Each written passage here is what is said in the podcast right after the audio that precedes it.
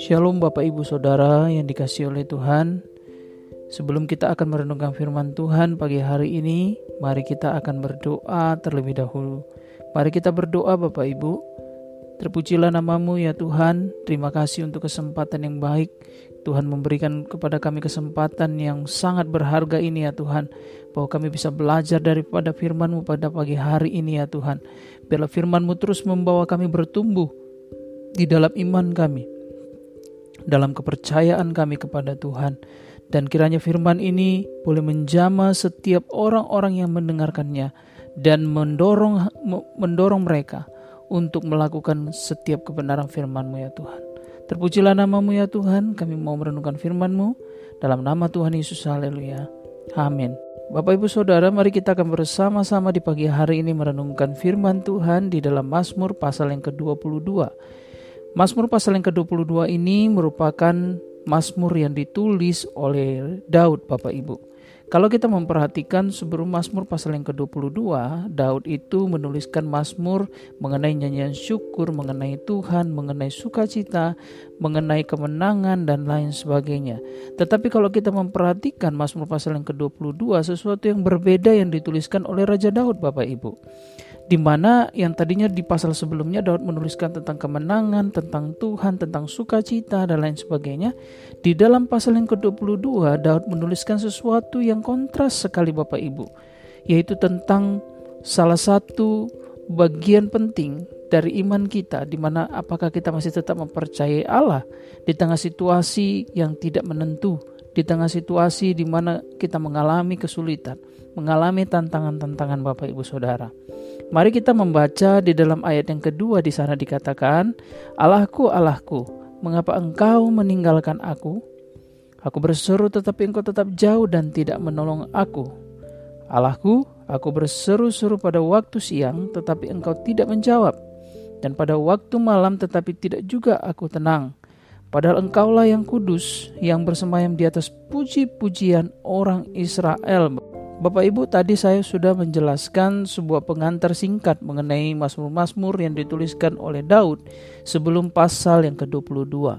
Di mana Mazmur-Mazmur yang dituliskan oleh Daud adalah Mazmur-Mazmur yang berbicara mengenai kemenangan, mengenai perbuatan ajaib Tuhan, mengenai sukacita, mengenai kehidupan manusia, tetapi dalam Mazmur pasal yang ke-22 sesuatu yang berbeda dituliskan oleh Raja Daud di mana Tuhan yang memberi kemenangan itu seolah-olah tidak menjawab doanya. Ketika dia mengalami kesesakan, mengalami pergumulan, dalam Mazmur 22 dia menuliskan sebuah kebenaran bahwa Tuhan tidak mendengarkan doanya. Padahal dia sudah menaikkan puji-pujian, sudah menaikkan penyembahan-penyembahan, di mana yang menurut keyakinannya dan menurut apa yang dia dia lihat dan dia uh, dengar bahwa Allah itu, Allah Israel, Allah yang dia sembah adalah Allah yang bertakhta di atas puji-pujian, yang bersemayam di atas puji-pujian, di atas penyembahan orang Israel. Tetapi dikatakan di dalam ayatnya yang keempat itu, padahal engkaulah yang kudus yang bersemayam di atas puji-pujian orang Israel. Tuhan bersemayam di atas puji-pujian tetapi di dalam ayat yang sebelumnya dikatakan Allahku aku berseru-seru pada waktu siang tetapi engkau tidak menjawab. Dan pada waktu malam tetapi tidak juga aku tenang. Tuhan tidak menjawab doa dari seorang Daud dari orang Israel yang juga memakai Mazmur ini sebagai Mazmur ratapan mereka Ketika mereka mengalami kesesakan, mereka berseru kepada Allah dan sebagian besar mereka menggunakan Mazmur ini dan kita juga teringat dengan ketika Yesus berada di kayu salib Bapak Ibu Saudara. Dia mengatakan Allahku, Allahku mengapa engkau meninggalkan aku? Dasar daripada apa yang Yesus sampaikan itu, yang Yesus ucapkan itu adalah tulisan seorang Raja Daud yang berada di dalam Mazmur pasal yang ke-22 ini Bapak Ibu Saudara. Kebenaran apa yang bisa kita pelajari dan kita renungkan pagi hari ini dari Mazmur 22 ini? Yang bisa kita pelajari, yang bisa menjadi pelajaran penting bagi kita yang kita renungkan adalah ada masanya, ada saatnya Tuhan Tuhan seolah-olah berdiam diri ketika kita mengalami pergumulan, ketika kita mengalami tantangan, seolah-olah dalam tanda kutip Tuhan berdiam diri dan tidak menjawab doa kita. Ada masa di mana kita semua akan mengalami hal yang demikian. Bahkan mungkin Bapak Ibu yang mendengarkan renungan ini pernah mengalami hal yang demikian. Bahkan saat ini mengalami hal yang demikian. Berdoa, berseru, memuji Tuhan, menyembah Tuhan dengan keyakinan, dengan kesungguhan hati. Tetapi Tuhan seolah-olah tidak mendengarkan. Seolah-olah tidak menjawab doa. Mengapa kebenaran ini penting untuk kita pelajari dan kita renungkan Bapak Ibu Saudara? Karena kita akan menemukan bahwa Tuhan ketika kita berdoa di dalam kesakitan, di dalam pergumulan kita, seolah-olah dia tidak menjawab dan tidak mendengarkan kita. Kita belajar dan mengetahui satu hal, bahwa Tuhan sedang melatih kita untuk menjadi dewasa di dalam rohani kita Bapak Ibu Saudara. Kalau kita terus-menerus bersuruh kepada Allah dan Allah terus-menerus menjawab doa kita dengan cepat Bapak Ibu Saudara, maka Bapak Ibu Saudara kita tidak akan pernah menjadi dewasa di dalam mengikuti dia, di dalam mengiringi dia, di dalam menjadi umatnya Bapak Ibu Saudara. Jadi Tuhan ketika kita mengalami pergumulan kita berdoa Tuhan sepertinya lambat menjawab atau tidak menjawab atau tidak mendengar menurut kita.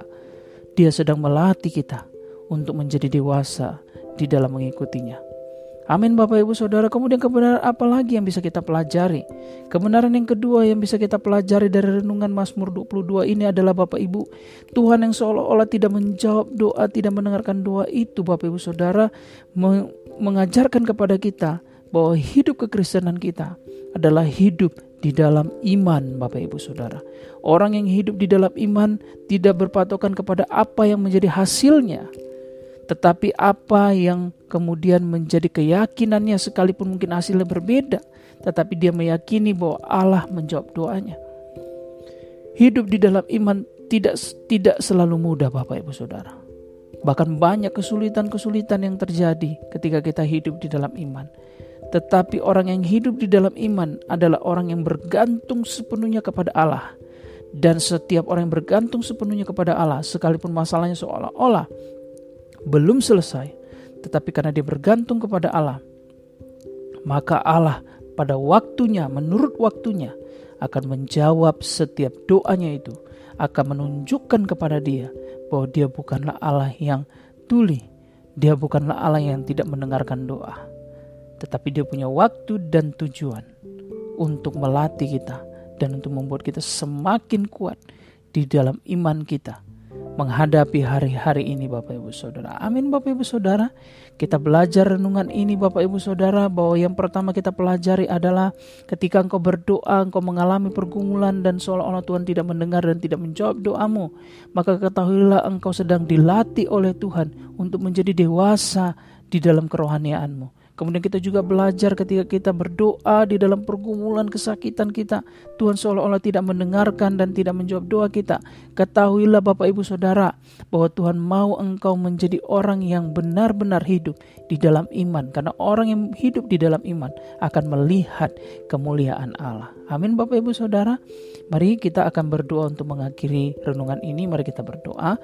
Terima kasih untuk renungan yang sudah kami Renungkan hari ini ya Tuhan, kiranya renungan ini menjadi sumber kekuatan bagi kami.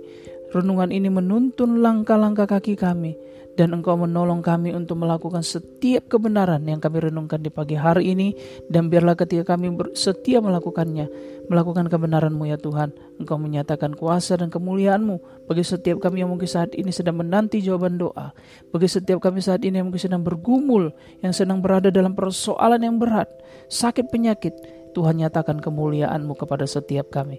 Terima kasih ya Tuhan. Haleluya.